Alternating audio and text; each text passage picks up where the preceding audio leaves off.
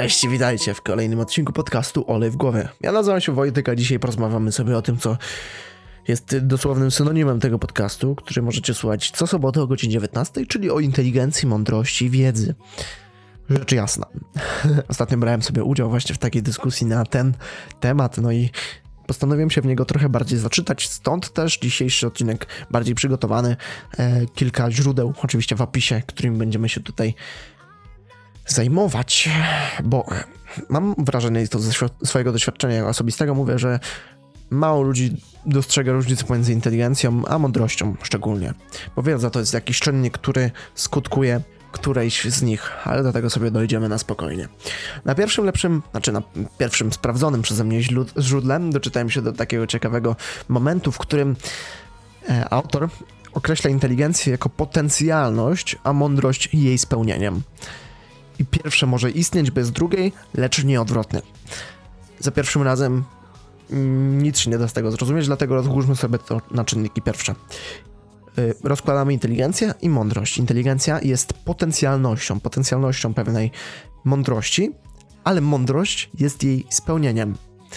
Co przekłada się na to, że jednak gdyby padło pytanie, czy wolelibyście być mądrzy czy inteligentni, abstrakcyjne, ale jednak, to prędzej odpowiedzielibyście zgodnie z tym stwierdzeniem, że mądrzy, bo inteligencja jest tylko potencjalnością, którą mądrość może spełnić. Więc powtarzając trzeci raz, mam nadzieję, że doszło to do Was wszystkich w sposób zrozumiały. Notabene mądrość e, ja zawsze uznawałem jako coś takiego bardziej wybitnego od inteligencji. Mm, z racji, że kiedyś tam, jak czytałem sobie jakieś motywacyjne źródła instagramowe, to e, dużo było właśnie o tej mądrości, którą tak naprawdę trzeba E, nabyć, ale nabyć zgodnie z naszym doświadczeniem życiowym. I tak dlatego często się mówi, że ci najbardziej mądrzy są ci najstarsi. W sensie, no, starzy to mądrzy. Co nie zawsze jest przykładem. Jak to moja babcia określiła, że często ci starsi są równie głupi jak ci młodzi. Ale tutaj nie określajmy stereotypowo, bo każdy przypadek jest, jak wiemy, indywidualny. E, zgodnie z definicją na pierwszych lepszych encyklopedii internetowych, mądrość to e, umiejętność podejmowania trafnych działań w najtrudniejszych sytuacjach, jednakże z uwzględnieniem wielu czynników, na przykład e, dla dobra ogółu, co brzmi jak dobra definicja mądrości, bo dobra definicja mądrości nie będzie nigdy określona w sposób jednoraki, tych definicji jest multum, multum, multum i nie o to chodzi, żeby tutaj was nimi zasypywać, jednak żeby dotrzeć do jakiegoś nowum, które określi mm, taki generalny podział pomiędzy mądrością a inteligencją, dlatego na początku zajmujemy się mądrością. Jeden z cytatów Sokratesa to jedyną prawdziwą mądrością jest świadomość tego, że nic tak naprawdę nie wiesz. Coś w tym jest. I zgadzam się z tym dwukrotnie, ponieważ często mówię, że świat jest na tyle intrygujący, że nie da się dowiedzieć dosłownie wszystkiego. Znowu wracając do tych motywacyjnych cytatów, wiele e, takich coachów, mam wrażenie, stara się mówić, żebyśmy e, specjalizowali się w jednym konkretnym jakiej, jakiejś takiej dziale, który by nas wyspecjalizował na takiego bossa, na takiego inżyniera, na takiego magistra, po prostu mistrza jednej dziedziny, ale niekoniecznie będziemy mieć jakąś wiedzę ogólną na temat jakiś inny. Ja sobie wyobrażam zresztą swoje życie, jakobym na przykład za lat 20 wiedział dużo o wielu rzeczach. To by było takie pewne spełnienie, bo e, to już z mojej definicji nigdzie nie czytanej, osoba mądra, no na pewno też inteligentna, na pewno też bystra i wiele innych synonimów określających pozytywnie taką osobę, potrafi wypowiedzieć się na wiele tematów błyskotliwie i to nawet nie ze względu na wiedzę, którą posiada, bo o wiedzy tutaj na początku też wspomniałem, tylko na to, że y, potrafi wysnuć samodzielnie swoje wnioski i wypowiedzieć w sposób bynajmniej dojrzały. Y, to jest cecha, którą no każdy odbierają oczywiście subiektywnie, ale właśnie mam często wrażenie, że po prostu osoby inteligentne nazywa się tak przez fakt tego, że mają jakąś konkretną wiedzę i potrafią, nie wiem, powiedzieć dlaczego wzór Pitagorasa skąd się wziął i tak dalej. Coś, wiecie, taki absurdalny przykład, ale potrafią dojść do genezy skąd się coś wzięło, ale niekoniecznie, nawet nie wiem co niekoniecznie. Może niekoniecznie, gdyby nie mieli wiedzy na ten temat, to nie potrafiliby tego wytłumaczyć w sposób jasny i klarowny.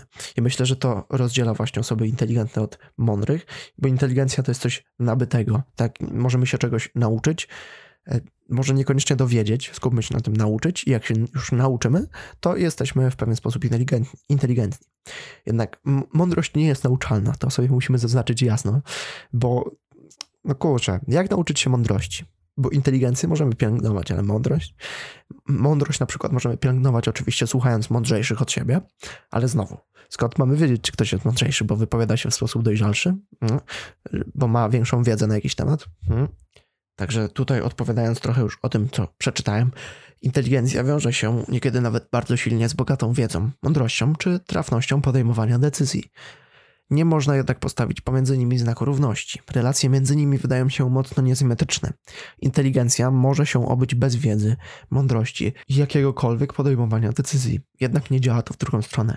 Przy czym nie chodzi o inteligencję wybitną. Już przeciętny jej poziom wystarcza do zgromadzenia pokaźnej, nawet eksperckiej wiedzy do osiągnięcia mądrości lub słuszności sądów. Wniosek: wiedza, mądrość i umiejętność podejmowania decyzji są funkcją inteligencji i ciężkiej pracy. Inteligencja jest jednak zaledwie potencjałem dającym szansę, a nie gwarancją jakichkolwiek osiągnięć. O. Na drugiej ze stron, którą macie podlinkowaną w opisie, e, czytałem, nie teraz, nie będę czytał, tylko przytaczał, e, o tym, jakoby mądrość nie była nabywalna przez nasze personalne, własne doświadczenia, co obala pewien z mitów, że e, między innymi te, które ja wypowiedziałem wcześniej, że stajemy się mądrzejsi z wiekiem doświadczenia. Co trochę się kłóci z czymś, z czym ja myślałem i myślę, że będę dalej myśleć. No bo jakby nie patrzeć na takim poziomie bardzo prostej logiki, to choć ta najprostsza bywa mylna. Jeśli przeżyliśmy więcej, doświadczyliśmy więcej rzeczy, to naturalnie mm, jest nawet takie powiedzenie, że człowiek uczy, człowiek mądry uczy się na swoich błędach. Tak? Natomiast tu, jak podaje pięknoumysłu.com, mądrość nie bierze się z osobistego doświadczenia. Wiele osób uważa, że doświadczenie życiowe przekłada się automatycznie na niezwykle silnie rozwiniętą mądrość życiową. Jednak nie wykazano, jak do tej pory, silnego i bezpośredniego związku między długością czyjegoś życia, a tym, jak ten ktoś mądry jest mądry. Ta cecha nie zawsze naturalnie pojawi się wraz z wiekiem i rozwija niezależnie od tego. Co ten fragment chce nam przekazać? Oczywiście jest on dłuższy i zachęcam do samodzielnego przeczytania ze źródeł w opisie. Natomiast z mojej jakiejś tam refleksji na temat tego krótkiego bardzo fragmentu, mm, z czym się zgadzam, że nie każdy, pomimo przeżytych doświadczeń, nie nabywa tej mądrości. Niektórzy potrafią bić dziesiąty, tysięczny raz w ścianę i dziwić się, że ściana nie pęka i głowa boli.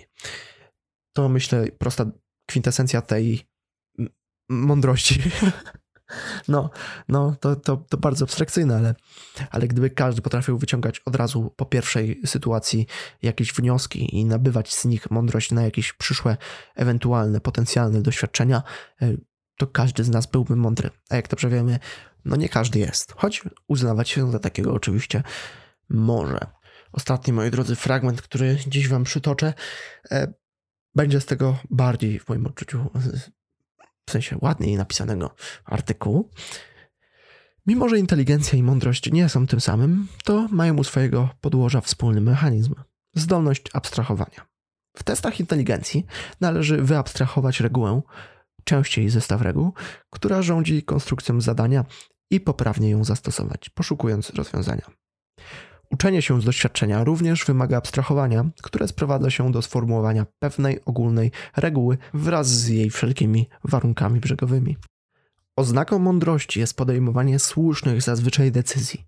Sama inteligencja, wbrew potocznym sądom, niekiedy nie wystarcza, aby ową słuszność zapewnić. Ponieważ inteligencja jest zdolnością do sprawnego przetwarzania informacji, zwiększa prawdopodobieństwo poprawności decyzji o ile ktoś dysponuje wszelkimi niezbędnymi przesłankami i nie zastosuje nieuprawnionego uproszczenia, posługując się jakąś wygodną heurystyką. I moi drodzy, szybko wam tu dodać, heurystyka to jest coś, czym posługujemy się na tym podcaście bardzo często. Jest to taka umiejętność wykrywania nowych faktów oraz znajdowania związków między faktami, zwłaszcza z, z wykorzystaniem hipotez, które tutaj padają. Wracając jednak, innymi słowy, wysoka inteligencja zapewnia techniczne możliwości podejmowania poprawnych decyzji, lecz znowu nie jest to tego wystarczająca. Podsumowując, inteligencja jest jedynie potencjalnością, a mądrość jej spełnieniem. I z racji, że tą potencjalność macie, jesteście bardzo inteligentni, że słuchacie 10 minut mojego gadania, to wykorzystujcie je co sobotę o godzinie 19 na podcaście Olej w głowie. Dziękuję Wam pięknie za przesłuchanie, wykorzystajcie to w sposób heurystyczny. No, Cieszę się, że mogę wam przytoczyć takie mądre stwierdzenia, no ale to co sobotę o godzinie 9. No, do usłyszenia. Cześć. Bye.